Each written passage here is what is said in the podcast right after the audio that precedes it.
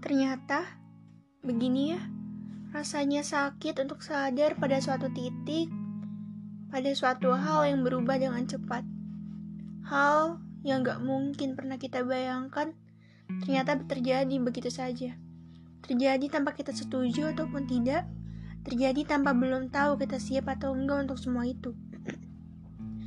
Seperti yang terjadi dulu, kakek saya berpulang ke ilahi karena penyakit jantung. Ya, yang mungkin saat itu seusia saya dulu, saya belum mengerti itu penyakit apa. Kok bisa merenggut nyawa kakek saya? saat kakek saya meninggal, saya hanya bisa diam karena saat itu saya nggak bisa ikut mengantarkan kakek saya ke tempat istirahatnya yang terakhir. Karena saat itu saya sedang ujian dan kakek saya dimakamkan di kampung halaman saya yang berarti beda pulau dengan saya.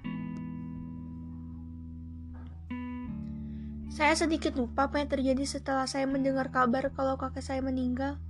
Yang saya ingat, saya hanya diam karena gak bisa ikut ke kampung halaman saya dan saya iri dengan sepupu-sepupu saya yang semuanya bisa ikut terkecuali saya. Sekitar dua tahun kakek saya berpulang, saya dan keluarga saya pulang ke kampung halaman kami. Saat itu sekitar dua hari, sebelum lebaran dan kami keluarga besar mengadakan pengajian di masjid dekat rumah kakek. Mungkin karena orang-orang di sekitar situ sayang kakek, makanya acaranya mungkin sangat indah menurut saya saat itu.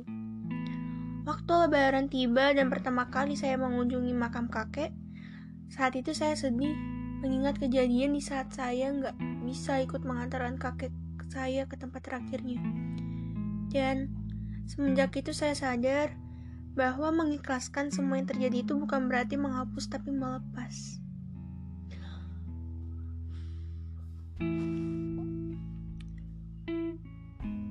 Itu cerita gue beberapa tahun yang lalu.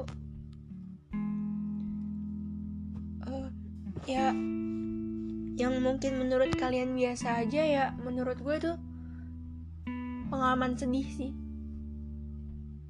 nggak bisa ngantar kakek ke tempat pemakaman terakhir.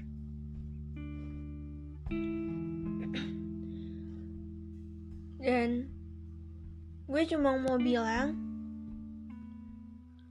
karena mengikhlaskan itu bukan berarti menghapus tapi melepas. Jadi kalian bukan berarti ngapus semua kenangan memori tentang mereka Kalian hanya mengikhlaskan dan kenangan itu tetap di album diri kita sendiri. Hmm, itu aja sih. Dan sorry banget hari Sabtu kemarin nggak bisa update podcast terbaru.